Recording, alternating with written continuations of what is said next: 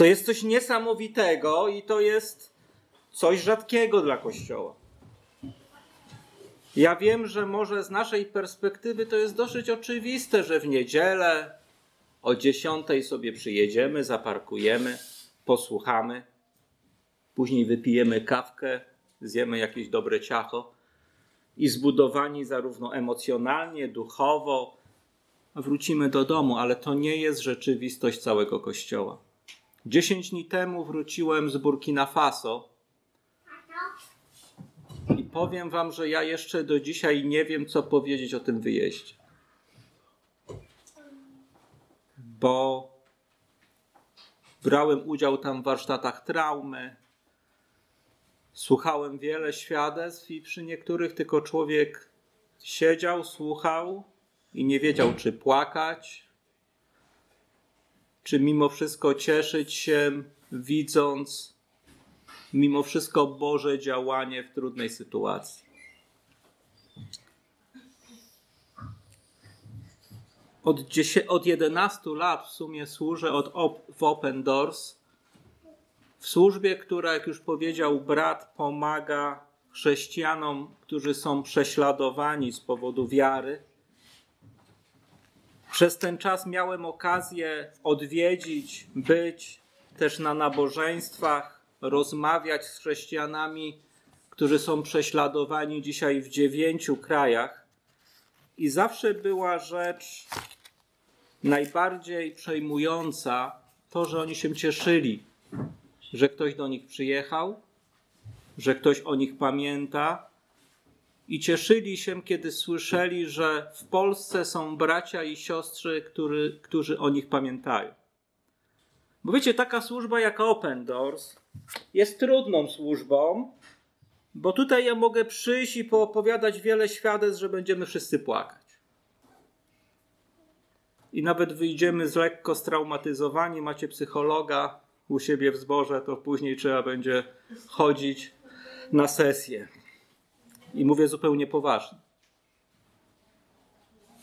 Ale w kościele nie o to chodzi, żeby tylko mówić o przemocy.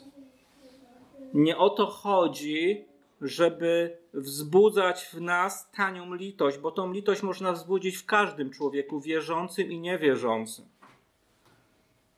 W kościele chodzi o to, żebyśmy zrozumieli dwie podstawowe prawdy po pierwsze, że jako Kościół razem stanowimy ciało Jezusa Chrystusa. I to właśnie w nas i przez nas ludzie mają zobaczyć, że Chrystus zmartwychwstał, że żyje i że przemienia grzeszników świętych. Po drugie, mamy zrozumieć i żyć według tej prawdy, że jako Kościół żyjemy dla uwielbienia Bożej chwały. I to jest nas zasadniczy cel. Pamiętam takiego chłopaka, w sumie chyba 13 dni temu go słuchałem, on ma na imię Adama z Burkina Faso.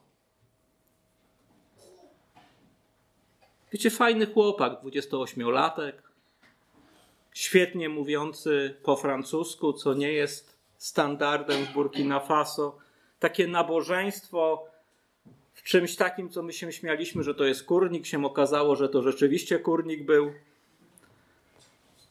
I siedzi chłopak w różowej koszuli. Widać, że ładnie się ubrał na nabożeństwo. A później usłyszałem jego świadectwo. Wiecie, chłopak pochodzi z bardzo bogatej rodziny muzułmańskiej. Dobrze się uczył,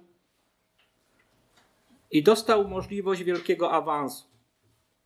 Pojechał studiować do Francji socjologii. Studiował i tam poznał grupę chrześcijan, brał udział w jakichś spotkaniach akademickich i się nawrócił. Nawrócił się na chrześcijaństwo. W tym czasie jego mama w Burkina Faso zachorowała. I tato tam dzwonił, powiedział: Przyjeżdżaj, matka zachorowała.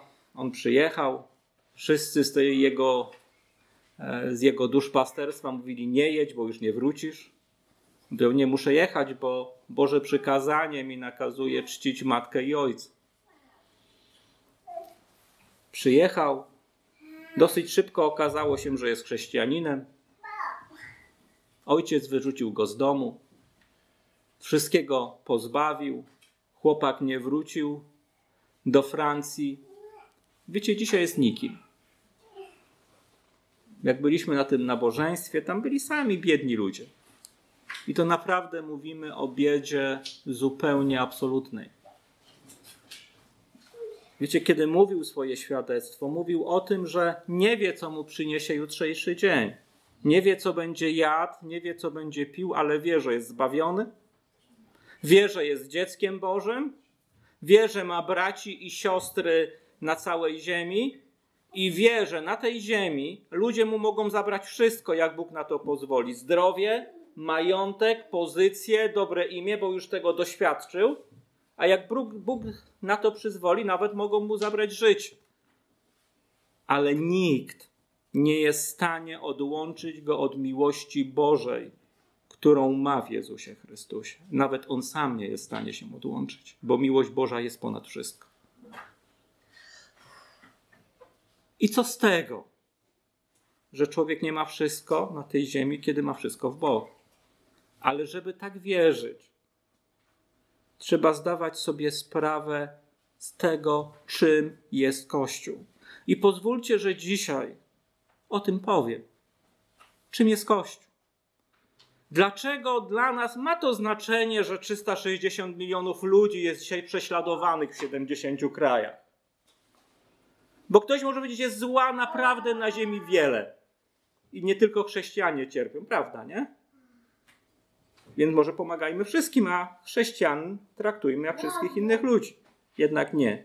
I proszę, otwórzmy list do Efezjan na drugim rozdziale i przeczytajmy dłuższy fragment Słowa Bożego od wersetu 11 do 22, czyli do końca tego rozdziału.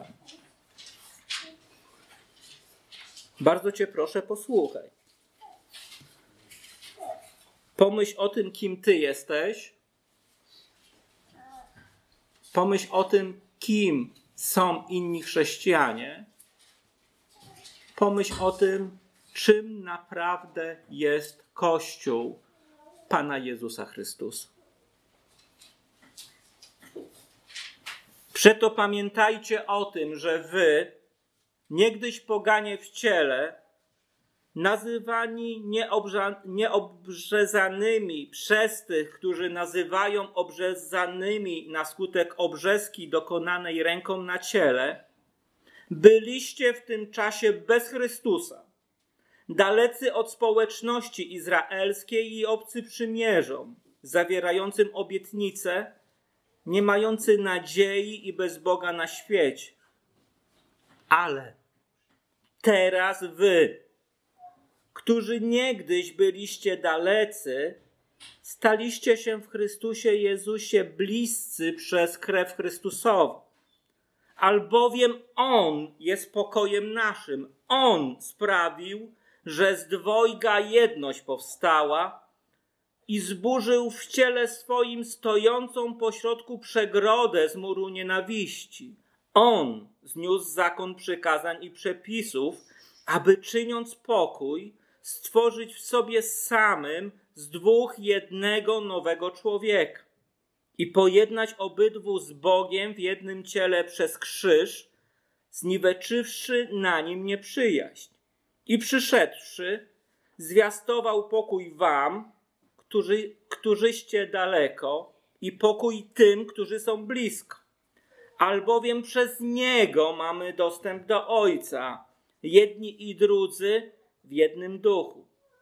Tak więc już nie jesteście obcymi i przychodniami, lecz współobywatelami świętych i domownikami Boga, zbudowanymi na fundamencie apostołów i proroków, którego kamieniem węgielnym jest sam Chrystus Jezus, na którym cała budowla mocno spojona rośnie w przybytek święty w Panu na którym i wy się wespół budujecie na mieszkanie Boże w duchu. Miesiąc jest miesiącem, miesiąc maj jest miesiącem misji. Co to znaczy? To, że wierzymy, że możemy być daleko od siebie.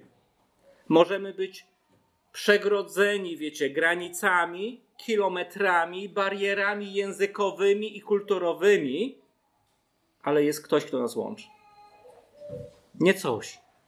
Nie chodzi o ideę, nie chodzi o myśl, ale chodzi o Jezusa Chrystusa i o to, co w nim stało się naszym udziałem. Ludzkość jest podzielona i nie ma co ukrywać, że jest inaczej. Kiedy przekracza się granice, kiedy jest się w różnych kulturach, to widać, jak są bardzo podzieleni czarni od białych. Jak są bardzo podzieleni Europejczycy od Afrykanów. Ale wiecie, to wszystko znika, kiedy idziesz na nabożeństwo. Kiedy spotykasz brata i siostrę. Kiedy razem się modlicie, razem śpiewacie psalm, razem czytacie Słowo Boże, nagle to wszystko znika. Bo w Jezusie Chrystusie nie ma dwóch ludów. Nie ma czarnych, białych. Nie ma nawróconych z katolicyzmu i nawróconych z islamu. Jest jeden Boży lud, zbawiony w ten sam sposób.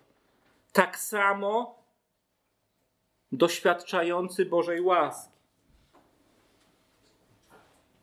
I ten fragment, który przeczytaliśmy, to jest wielka nauka apostoła Pawła o Kościele.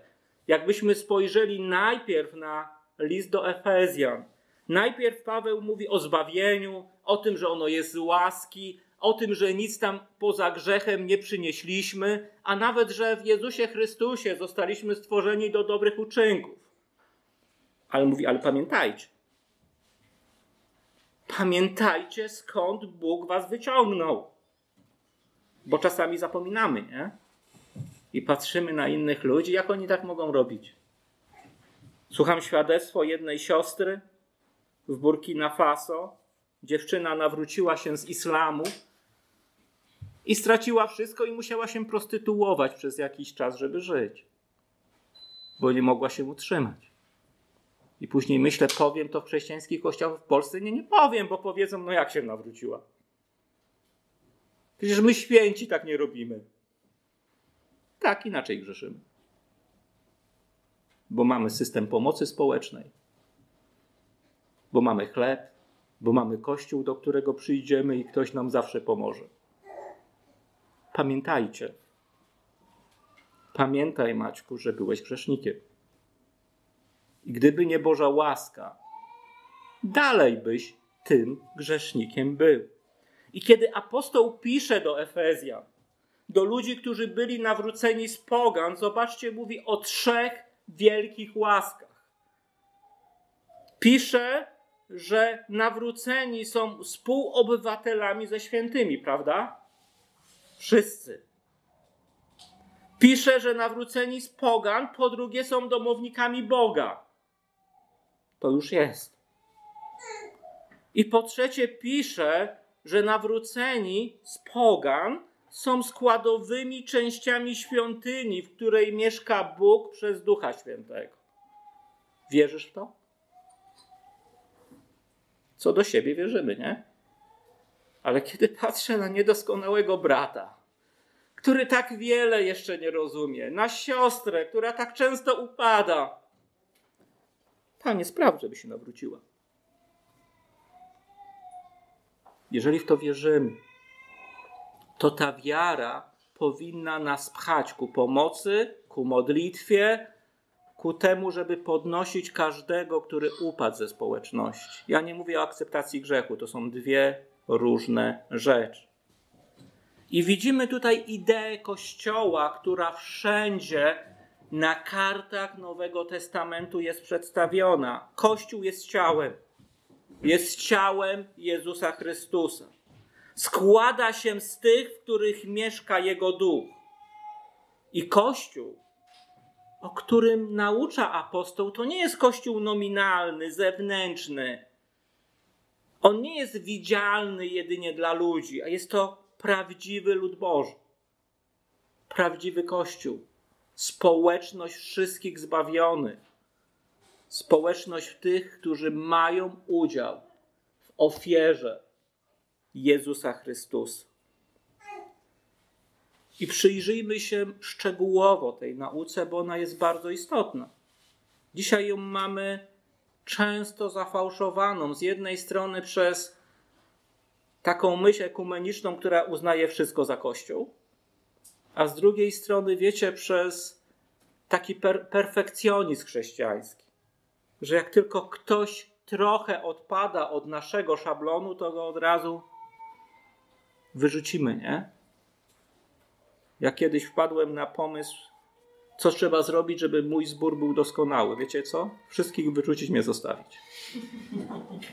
I doszedłem do wniosku, że to byłby świetny pomysł, tylko że niewiele by z tego wyszło, nie? Bo to byłby najgorszy Kościół świata.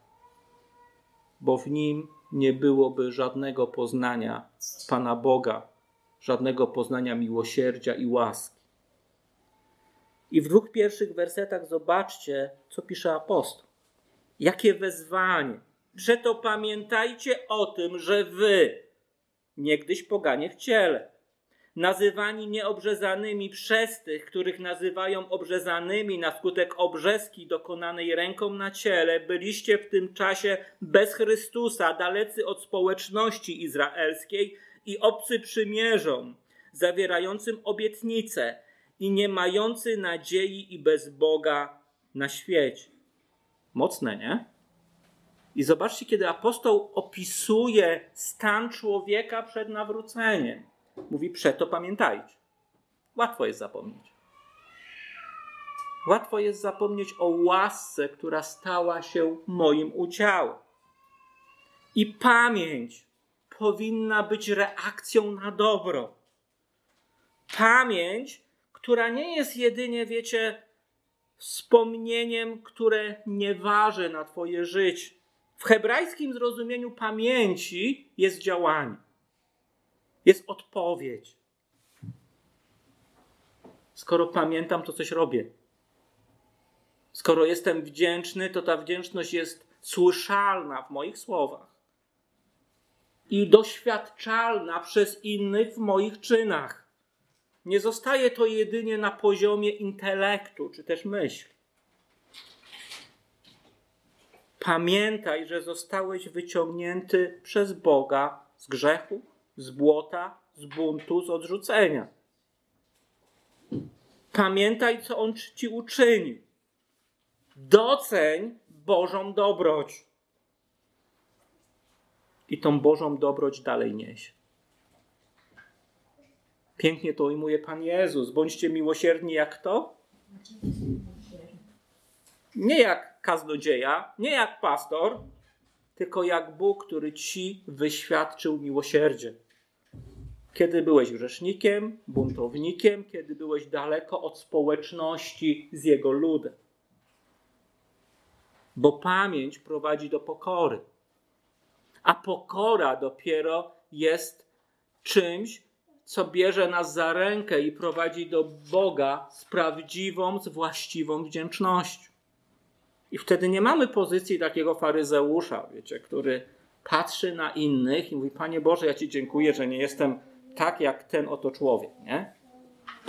A czasami się łapiemy na takich elementach. Ja pamiętam, jak wiele lat temu byłem w Iraku.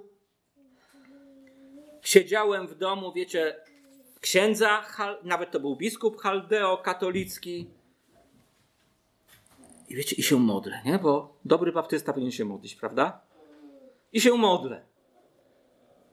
I modlę się, mówię, myślę tak, wiem o co się modlić. Panie Boże, dziękuję Ci, że nie jestem takim bałwochwalcą, tak jak ten oto człowiek.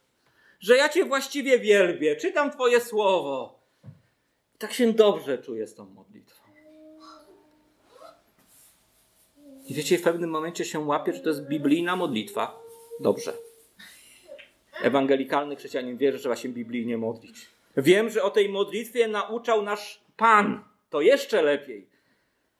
Ale nauczał negatywnie. Wiecie, co zrobiłem? Przeprosiłem Pana Boga. Zgrzeszyłem.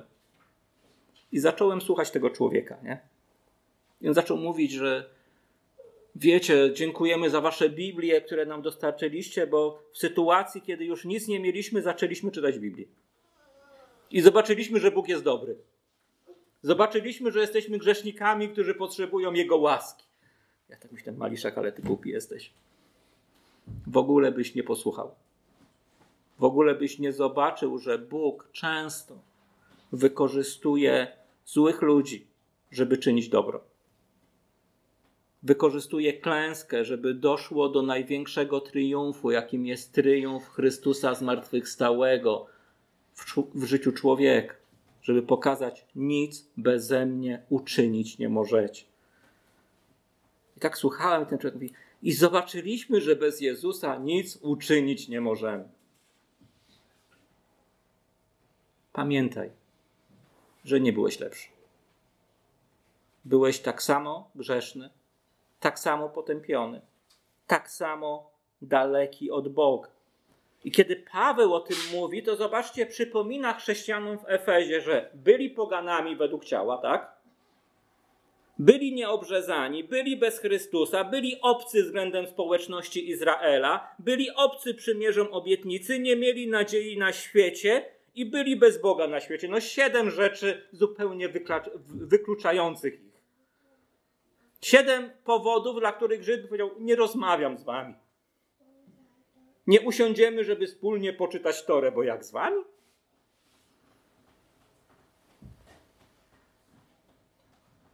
Ci ludzie byli bez Boga, czyli nie mieli nadziei na pojednanie. Byli poganami w ciele, a więc przez urodzenie już zostali odgrodzeni od Izraela.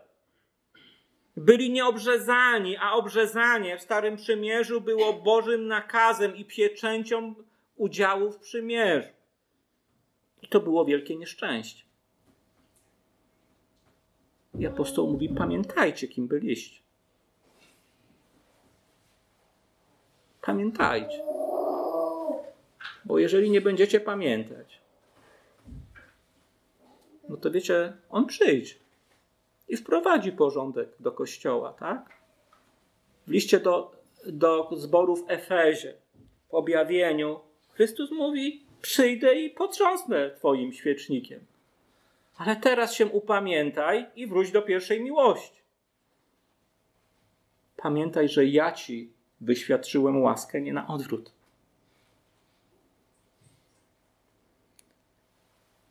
I wiecie, apostoł pisze, że w Efezjanie, tak naprawdę my wszyscy, byliśmy odrzuceni, byliśmy bez Boga, z punktu widzenia Starego Przymierza nie mieliśmy żadnej nadziei, żadnej szansy na pojednania z Bogiem.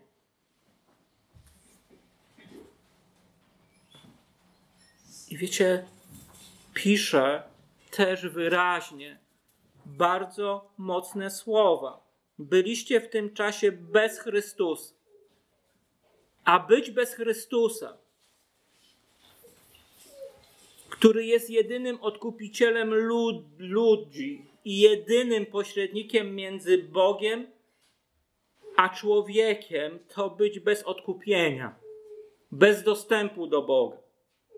Bo być z Chrystusem, być z Nim jest sumą wszystkich błogosławieństw, a bycie bez Chrystusa obejmuje wszelkie zło, wszelkie potępienie. I skoro jesteśmy w Chrystusie, a jesteśmy już, prawda? Czy chcemy, żeby inni ludzie byli? Czy chcemy ich podnosić do tego stanu błogosławieństwa? Czy chcemy może jedynie to zachować dla siebie? W XIX wieku był problem z misjami. Problem taki, że ludzie przyjeżdżali na misję, wiele organizacji łożyło duże pieniądze, ale z ludzi najpierw chciano robić Europejczyków. Chciano ich tak zmienić, żeby siedzieli na takich samych krzesełkach, jak siedzi się w Europie, żeby byli tak samo ubrani, żeby śpiewali tak samo, tak samo się zachowywali. I najpierw trzeba było zostać Europejczykiem, a dopiero później można było pomyśleć o chrześcijaństwie. Nie? I to było sprzeczne z duchem Ewangelii. z Duchem Bożym. My głosimy Chrystusa. Nie głosimy naszej kultury, nie głosimy naszej cywilizacji, głosimy tego, który jest odkupieniem. Bo jeżeli ktoś będzie bez polskości na świecie, to mu coś to ujmie. No pierogów nie zje, nie? Ale nie będzie to skutkowało na jego wieczność. Ale bez Chrystusa oznacza być potępionym na wieki. Ci ludzie byli, tak jak my wszyscy, dalecy względem społeczności Izraela. Nie mieli udziału w przymierzach Starego Testamentu, nie mieli udziału w przymierzu Abrahamowym, które było przymierzem łaski i zostało w pełni zrealizowane w Jezusie Chrystusie. A jak nie masz udziału w przymierzu, który Bóg zawiera ze swoim ludem, to jesteś poza tym przymierzem. Jesteś wrogiem. I zobaczcie, jak to było też mocno podkreślone w zwiastowaniu apostolskim. W dziejach apostolskich w 13 rozdziale, w 32 wersecie, co mówili, i my zwiastujemy wam dobrą nowinę, tę obietnicę, którą Bóg dał ojcom. Brali Stary Testament, przypominali przymierza, mówili i wskazywali na Jezusa Chrystusa a poganie nie mieli udziału w przymierzu. Dopiero nowe, lepsze przymierze, które Jezus w imieniu swojego ludu zawarł z Ojcem, potwierdził to swoją krwią, stało się dostępne. I my to przymierze zwiastujemy, mówimy o nim. Mówimy, że ono jest wypełnieniem wszystkiego, co zostało zapowiedziane w Starym Testamencie. Wierzymy w to? Widzimy łaskę? Bo lud łaski ma nieść łaskę. Ma mówić o łasce, ma żyć łaską. I Kościół chrześcijański nie mówi nominalnie o poszczególnych wyznaniach. Kościół, który wierzy w zbawienie z łaski przez wiarę, który wierzy w nieutracalność zbawienia, który wierzy, że ofiara Jezusa jest doskonała, dana raz na zawsze i że żaden człowiek nie jest w stanie złamać błogosławieństwa Chrystusowego. Taki człowiek musi być pełen wdzięczności. I to jest podstawa misji. Wyświadczono mi dobro, to dobro mnie zmieniło, i ja chcę być nosicielem tego dobra dalej, przekaźnikiem Bożej łaski. Kiedyś byliśmy daleko. Kiedyś byliśmy wrogami. Kiedyś nie byliśmy w stanie ze sobą porozmawiać. Też w Burkina Faso rozmawiałem z jednym chłopakiem, który był radykalnym islamistą. Kiedyś by mnie chciał zabić. Teraz Mahmed ze mną siedzi, ściska się, mówi: Bracie, kochany, jak jestem szczęśliwy, że tobie chciało się przyjechać, u nas jest 42 stopnie na plusie i ty chciałeś przyjechać, żeby ze mną posiedzieć i się pomodlić. A myślę, nie chciałem, szef mnie wysłał, nie? A nie żartuję oczywiście, ale wiecie, to wszystko zmienia. Udział w tym samym przymierzu, udział w tej samej łasce powoduje, że to jest zmiana. Bo i taki Mahmed mi prawie krzyczy, wiesz, ja mam pewność zbawienia, w islamie nie miałem. Żadnej. A teraz w Jezusie Chrystusie mówi, wiem, że mimo moich słabości, mimo tego, że upadam, to mam orędownika w niebie Jezusa Chrystusa Sprawiedliwego. I że Ojciec patrzy na Jego zasługę krzyżową. A mnie to motywuje do coraz lepszego, uczciwszego, bardziej podobnego życia, które widzę w Jezusie Chrystusie. I stan przed nawróceniem każdego z nas był stanem strasznym. I wtedy mogliśmy powiedzieć: Jesteśmy obywatelami piekła. Naszym przeznaczeniem jest wieczne potępienie. Więc cieszmy się z tego życia, bierzmy wszystko, co jest, bo za chwilę będziemy w takim stanie, że tam żadnego dobra nie będzie. I wtedy wiecie, hulaj dusza, bo jest piekło, nie? i za chwilę nie będzie żadnej radości. Ale dzięki Chrystusowi, dzięki temu, że Ojciec pociągnął nas do Syna, dzięki temu, że zostaliśmy zbawieni, następuje radykalna zmiana. Radykalna zmiana, o której apostoł, zobaczcie, pisze w wersetach od 13 do 18 i proszę przemyślcie to. Ale teraz wy, którzy niegdyś byliście dalecy, staliście się w Chrystusie Jezusie bliscy przez krew Chrystusową. Albowiem On jest pokojem naszym, On sprawił, że z dwojga jedność powstała i zburzył w ciele stojącą pośrodku przegrodę z muru nienawiści.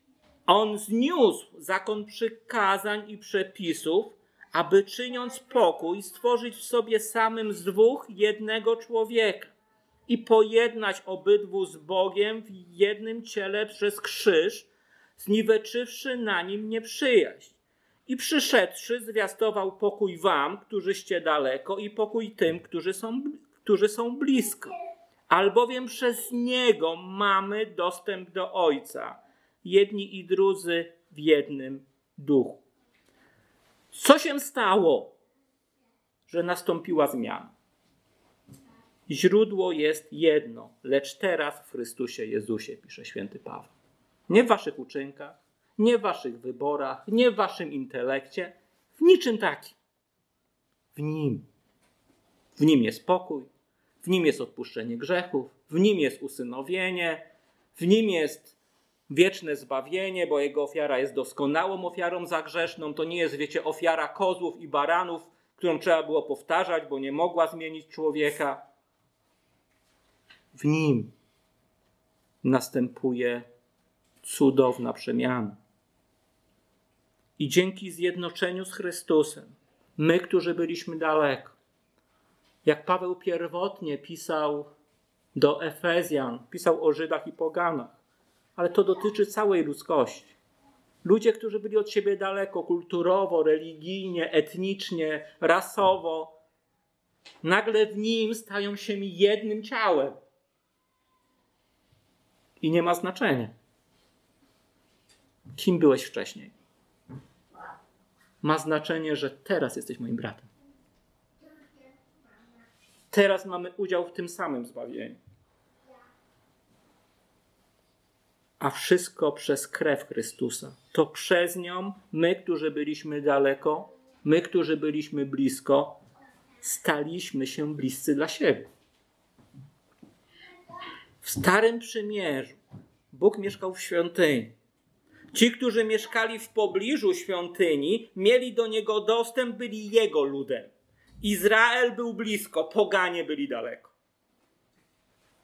Kiedyś tak chrześcijanie mieli. My mamy chrześcijaństwo, nie? My jesteśmy blisko, gdzieś tam są ludzie daleko. Mnie na przykład przeraża, że w wielu zborach ewangelikalnych ludzie nienawidzą wyznawców islamu. Naprawdę nienawidzą się, boją ich. Oni są od nas daleko, ale mogą stać się bliscy. Tylko najpierw podziel się z nimi Ewangelią. A krew Jezusa jest w stanie przemienić każdego, skoro przemieniło mnie i mego brata. Bo obaj byliśmy tak samo grzeszni, tak samo obcy przymierzom, tak samo wrodzy wobec Boga. Wierzymy w to? I dobrze, o ktoś nie wierzy, ale zawsze się można nawrócić, wiecie, to jest całkiem Boża łaska. I czasami lepsze jest prawdziwe, nie? Niż takie, wiecie, przetakiwanie kościelne, jak to kiedyś słyszałem. Ktoś mówił, miałem słabe kazanie, bo wszyscy przytakiwali, nie?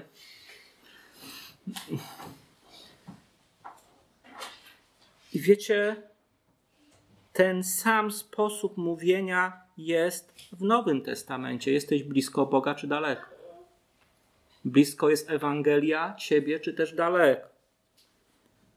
I w dziejach apostolskich, w dzień pięćdziesiątnicy, apostoł Paweł mówi: Oto obietnica ta bowiem odnosi się do Was i do dzieci Waszych oraz do wszystkich, którzy są z dala, ilu ich Pan Bóg nasz powoła. Czyli co jest najważniejsze? Boże powołanie, Boże wybranie. My nie wiemy tego. ale mamy rzeczywiście wzywać Boga. Znaczy wzywać ludzi do upamiętania przed Bogiem, modlić się do Boga o zbawienie dla innych.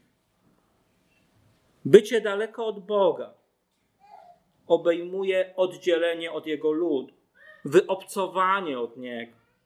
Bycie blisko Boga obejmuje zarówno wprowadzenie do Kościoła, jak i pojednanie z Bogiem.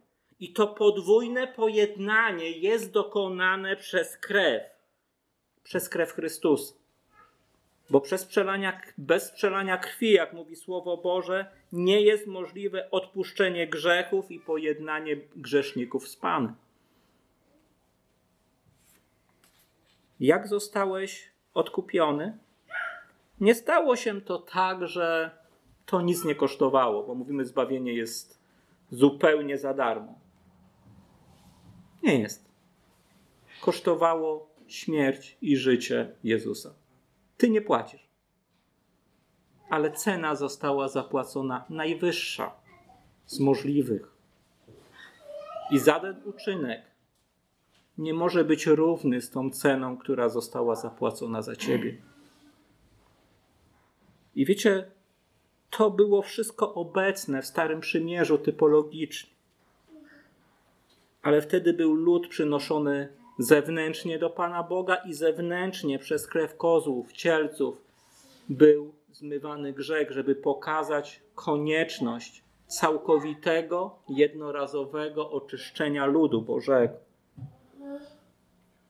I to nastąpiło. Nastąpiło i rzeczywiście w Jezusie Chrystusie jesteśmy Bożym ludem. Mamy dostęp do Boga i stanowimy jedno. Chociaż dzisiaj, patrząc socjologicznie, społecznie, jestem socjologiem z wykształcenia, lubię te wszystkie, wiecie, typologie socjologiczne, jesteśmy bardzo różni. I nie powinniśmy się dogadać. Ale w Jezusie jest to możliwe. I dalej apostoł w wersecie 14 i 15 potwierdza tą prawdę. Pisze o Jezusie. Posłuchajcie. Lubię to albowiem On jest pokojem naszym. On sprawił, że z dwojga jedność powstała i zburzył w ciele swoim stojącą pośrodku przegrodę z muru nienawiści. On zniósł zakon przykazań i przepisów, aby czyniąc pokój, stworzyć w sobie samym z dwóch jednego nowego człowieka. Jezus jest naszym pokojem. Czasami przychodzisz do Boga i jesteś zaniepokojony, nie? Widzisz siebie, swoją grzeszność, niegodność. Widzisz, że ten zbór nie jest doskonały, żebyś był w nim.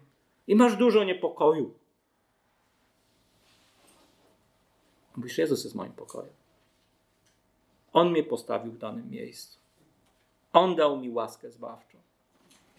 Na podstawie Jego uczynku zostałem usprawiedliwiony, nie moich. On jest pokojem, czyli w Nim mam wszystko zagwarantowane.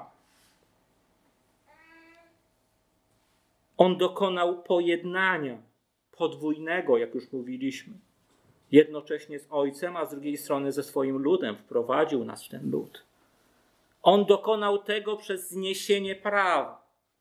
I zniesienie prawa ma tu podwójne znaczenie. Po pierwsze, on wypełnił, czyli zniósł, wypełnił całkowicie całe prawo uczynków. Coś, czego żaden człowiek nie mógł dokonać. I zapewnił nam sprawiedliwość. I później apostoł Paweł to w swojej soteriologii, swojej nauce o zbawieniu mocno rozwija. Tak? Miejsce nasze, kim stał się Jezus?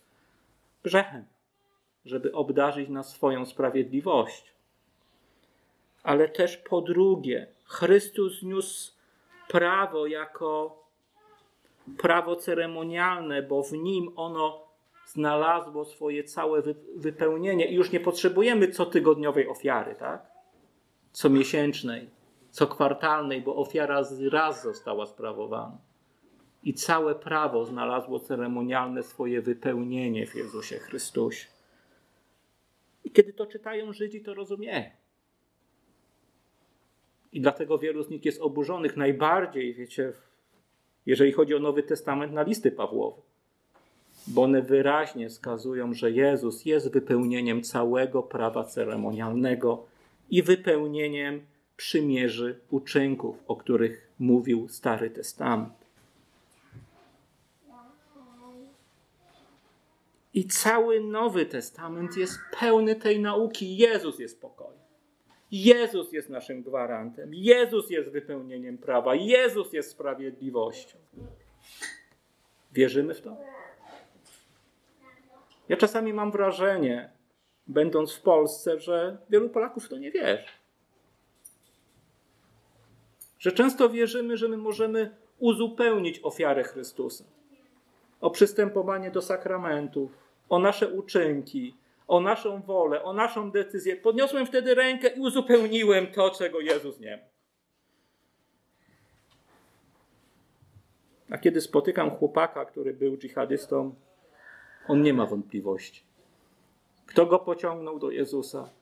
Kto zmienił jego postępowanie? Kto jest gwarantem jego zbawienia? Bo on mówi, wszystko było złe u mnie. Nie?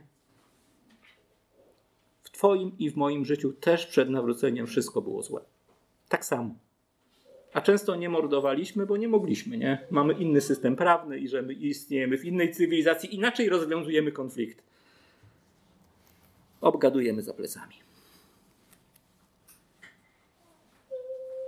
A w Jezusie mamy pełnię pokoju.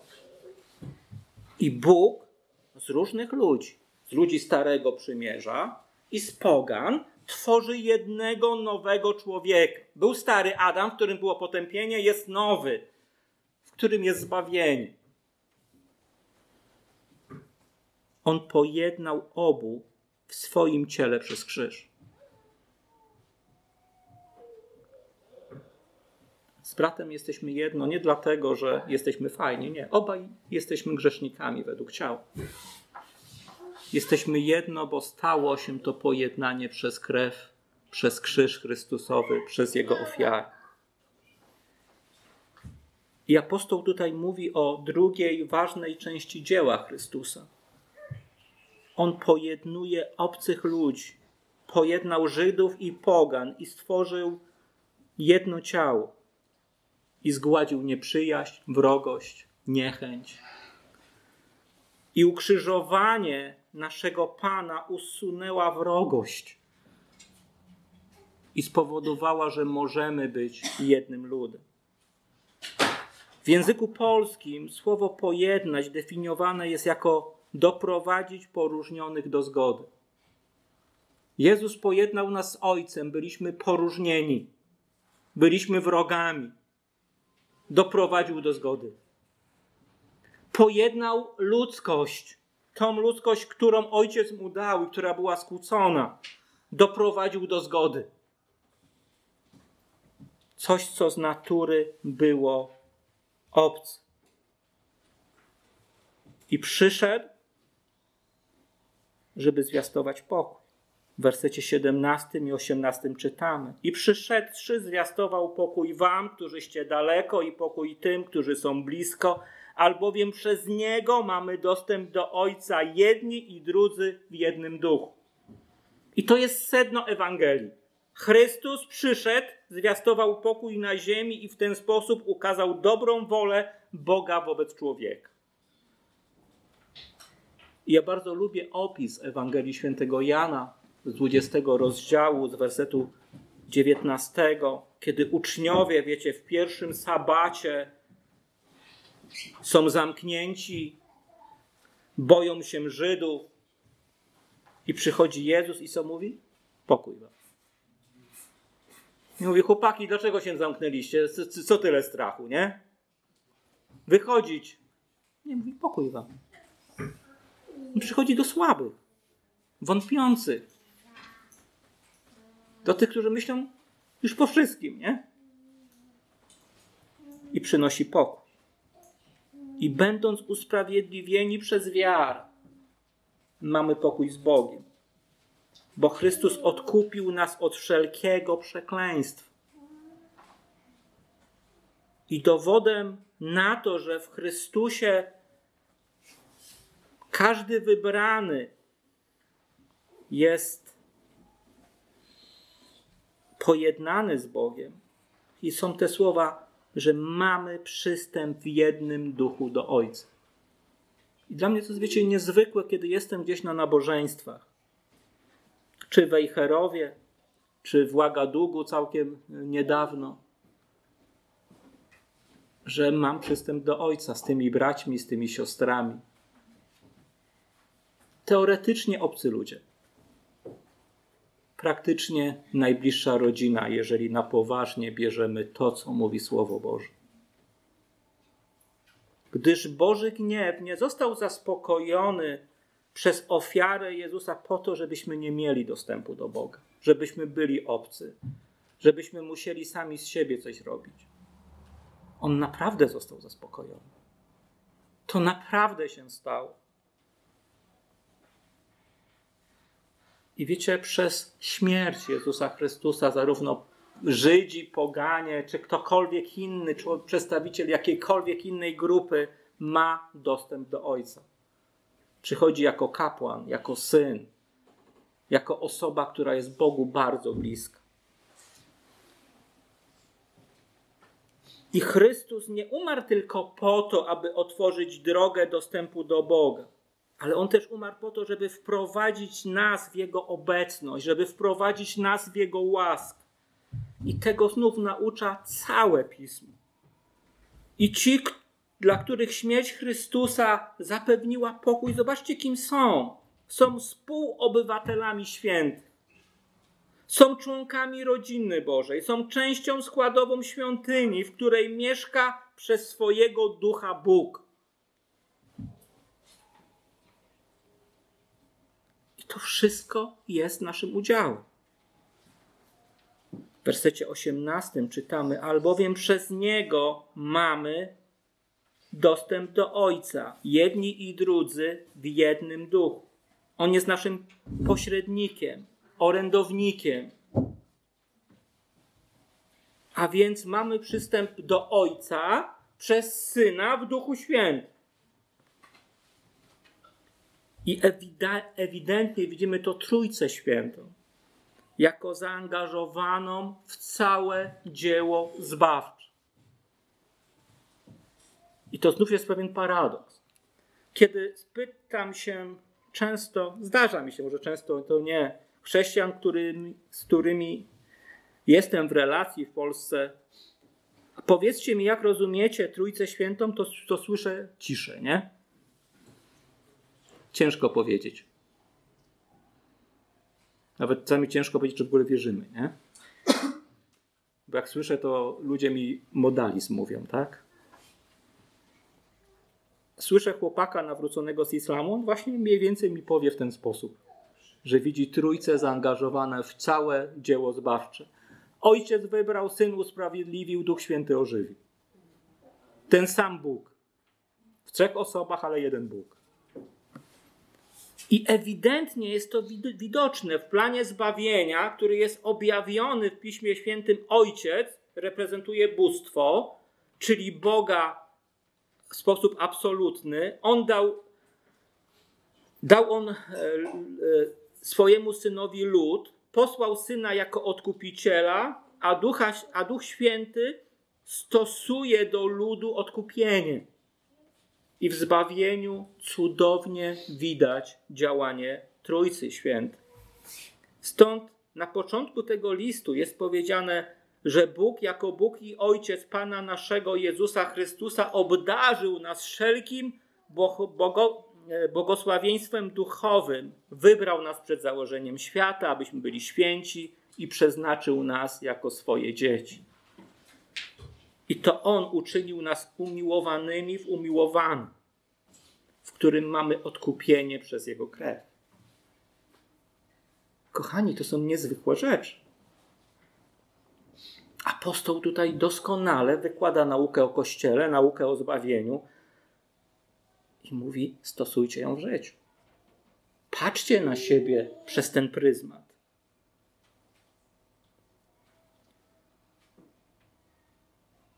Dalej czytamy. Rzeczy znów Niesamowite, bo zobaczcie, to wszystko jest w Jezusie Chrystusie. Mamy tu naukę o Trójcy działającej, o Jezusie jako odkupicielu i o Duchu Świętym, który rzeczywiście wprowadza nas w obecność Syna. Przez śmierć Jezusa Chrystusa zostaliśmy pojednani z Bogiem i przez Niego, jako naszego pośrednika i orędownika, bo też Jezus nim jest, mamy przystęp do Boga. I jest to prawda wyryta głęboko w sercach ludzi wierzących. I, ten, I ta prawda reguluje sposób przybliżania się do tronu Bożego. Przychodzimy w imieniu Chrystusa, w Duchu Świętym, do naszego Boga i tak dajemy Mu uwielbienie, dziękczynienie i modlitwy i zostaną one przyjęte w Jezusie Chrystusie. Bo zobaczcie, śpiewać można nauczyć każdego, prawda? I ludzie będą ładnie śpiewać piosenki religijne. Ale uwielbiać, naprawdę uwielbiać, to już tutaj dzieje się to zawsze przez pośrednictwo Jezusa. Nie jest możliwe inne prawdziwe uwielbienie.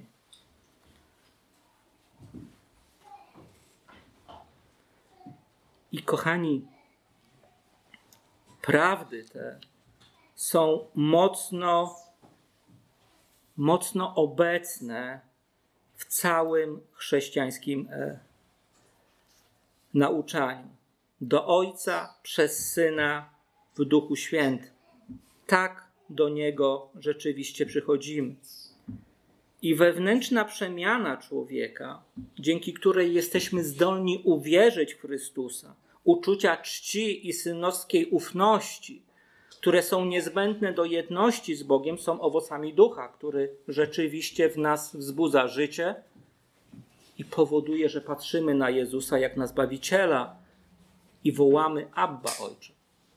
Wiemy, kim jest Bóg. I to wszystko jest w prawdziwym Kościele. Ten Kościół będzie różny.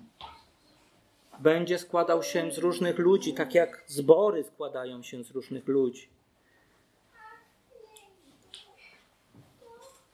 I będzie widoczne, że Bóg w tym kościele złączył Żydów pogan, białych, czarnych, mężczyzn, kobiety, żeby wszyscy w Chrystusie byli jedno.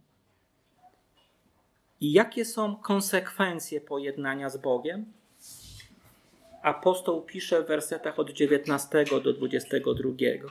Tak więc już nie jesteście obcymi i przychodniami, lecz współobywatelami świętych i domownikami Boga zbudowani na fundamencie apostołów i proroków, którego kamieniem węgielnym jest sam Chrystus Jezus, na którym cała budowla mocno spojona rośnie w przybytek święty w Panu, na którym i wy się wespół budujecie na mieszkanie Boże w Chrystusie. Zobaczcie, jaki był stan przed nawróceniem. Twój czy mój. Byliśmy dalecy od Boga, dalecy od obietnic, dalecy od przymierzy, bez Chrystusa, bez Boga na tym świecie. A teraz w nim jesteście współobywatelami świętych, domownikami, czyli członkami Bożej rodziny, częścią świątyni, w której przez ducha mieszka Bóg. Niesamowita przemiana. Jesteście współobywatelami świętych. Wiecie, Boże Królestwo już nie jest czymś odległym, jest naszym domem, naszą ojczyzną. Jesteśmy współobywatelami świętych, czyli wszystkich, którzy przez wieki byli przez Boga powołani do Jego ludu. Zostali wybrani, odłączeni od świata i poświęceni Bogu raz na zawsze. To znaczy być współobywatelem. To nie chodzi tylko o nominalną przynależność. Chodzi o zupełne włączenie w poczet Bożego ludu. I to jest niezniszczalne dziedzictwo. Boże Królestwo to Twoja ojczyzna, Twój dom. I nawróceni stają się członkami Bożej rodziny. Tymi, którzy są zbudowani na fundamencie apostołów i proroków, gdzie kamieniem węgielnym jest sam Jezus Chrystus. I wiecie, te słowa wynikały z takiej prawdy, która jest widoczna w Starym Testamencie, że przybytek miał być zbudowany według jakiego planu? Bożego, tak? I ściśle. Nie można było, wiecie, tam sobie troszkę zrobić inaczej. I w Kościele Bożym jest tak samo.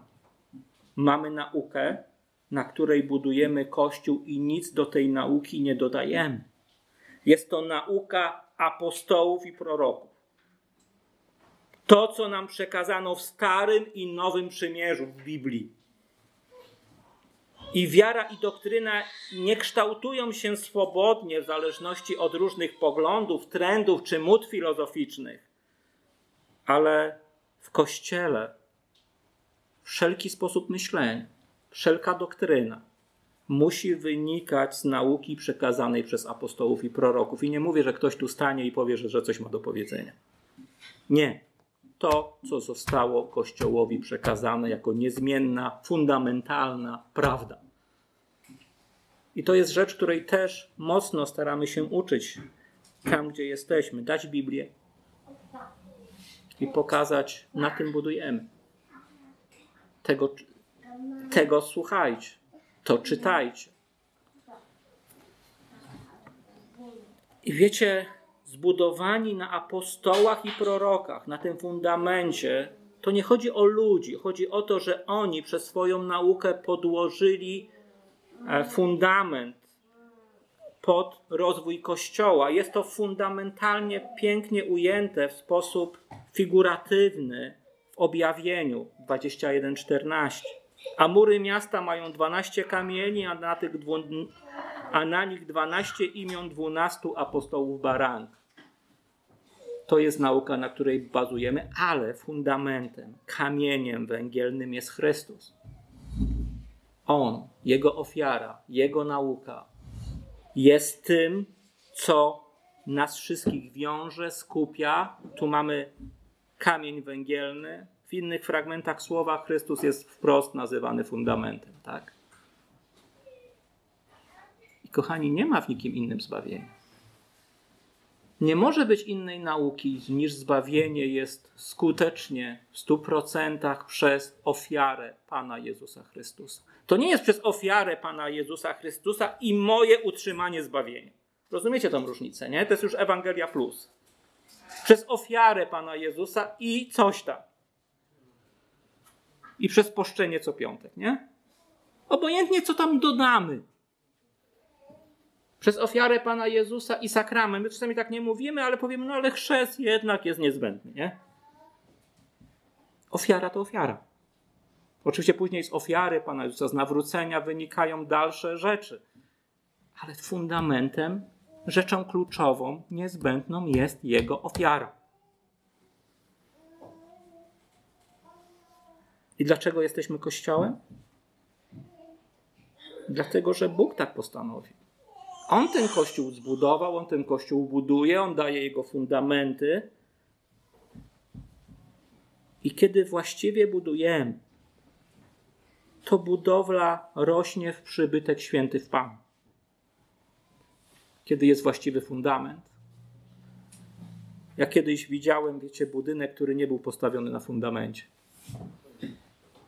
kiepsko to wyglądało, ale nakład inwestycyjny był całkiem spory. Tylko ktoś zapomniał, że bez fundamentu to się zaraz rozleci. Czasami to będzie dłużej trwało.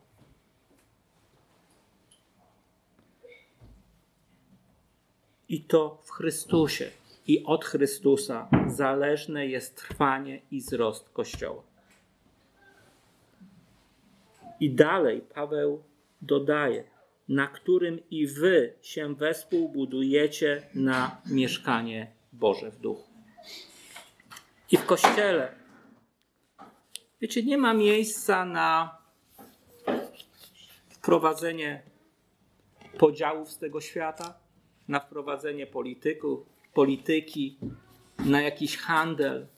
W kościele jest miejsce na uwielbienie Boga, na przyjęcie każdego człowieka jeżeli myślimy o misyjności, czy to będzie wspieranie Open Doors, czy będzie wspieranie innej organizacji misyjnej, czy nawet wyjście na ulicę i podzielenie się Ewangelią z ludźmi, którzy są w Wejherowie i w okolicy.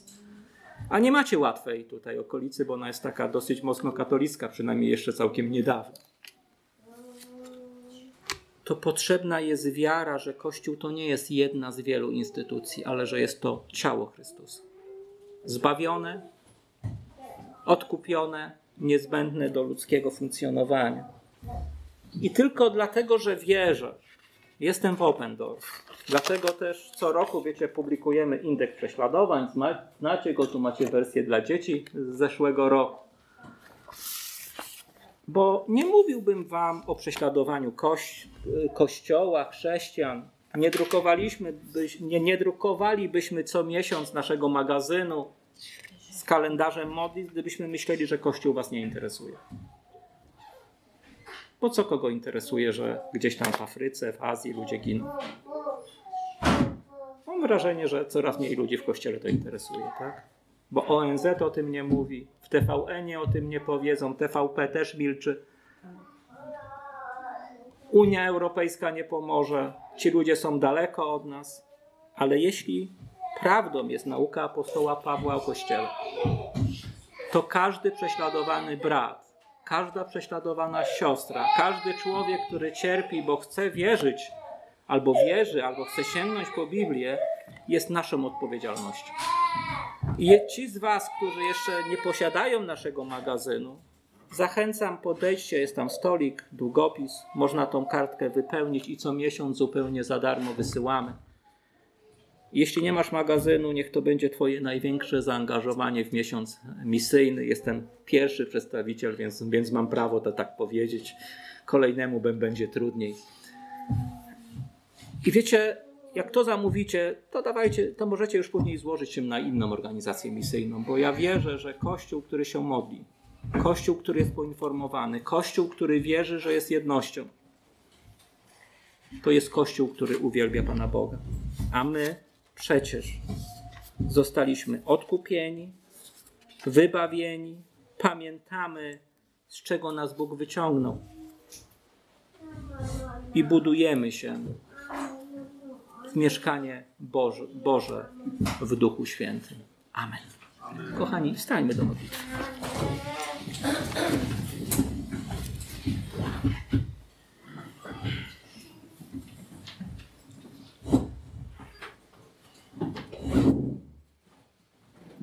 Kochani, ja zacznę. Jak ktoś by chciał się jeszcze pomodlić, to, to zachęcam.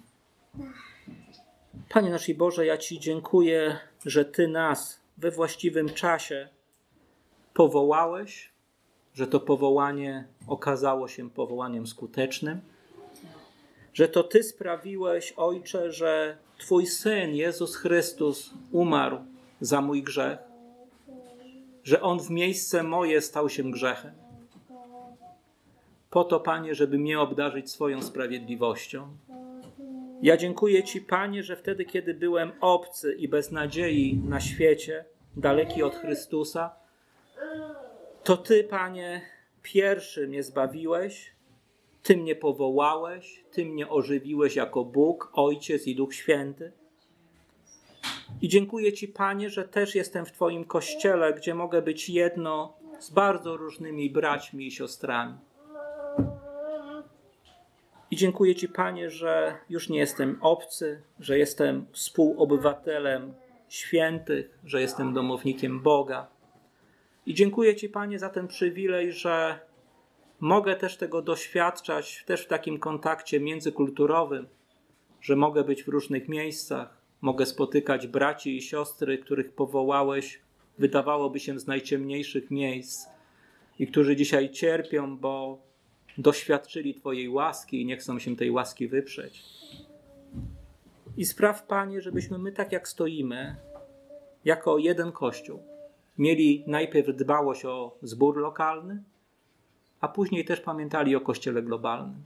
Żeby nie zależało to jedynie od informacji medialnych, naszych emocji, od mocnego czy słabego świadectwa, ale żeby zależało od świadectwa, które jest w naszym sercu, że jesteśmy dziećmi, którzy wołają do Ciebie Abba, Ojcze. I dziękuję Ci, Panie, za łaskę i za to, że pojednałeś nas z Tobą, ale równocześnie z sobą nawzajem przez śmierć Twojego Syna, naszego Pana Jezusa Chrystusa. Amen.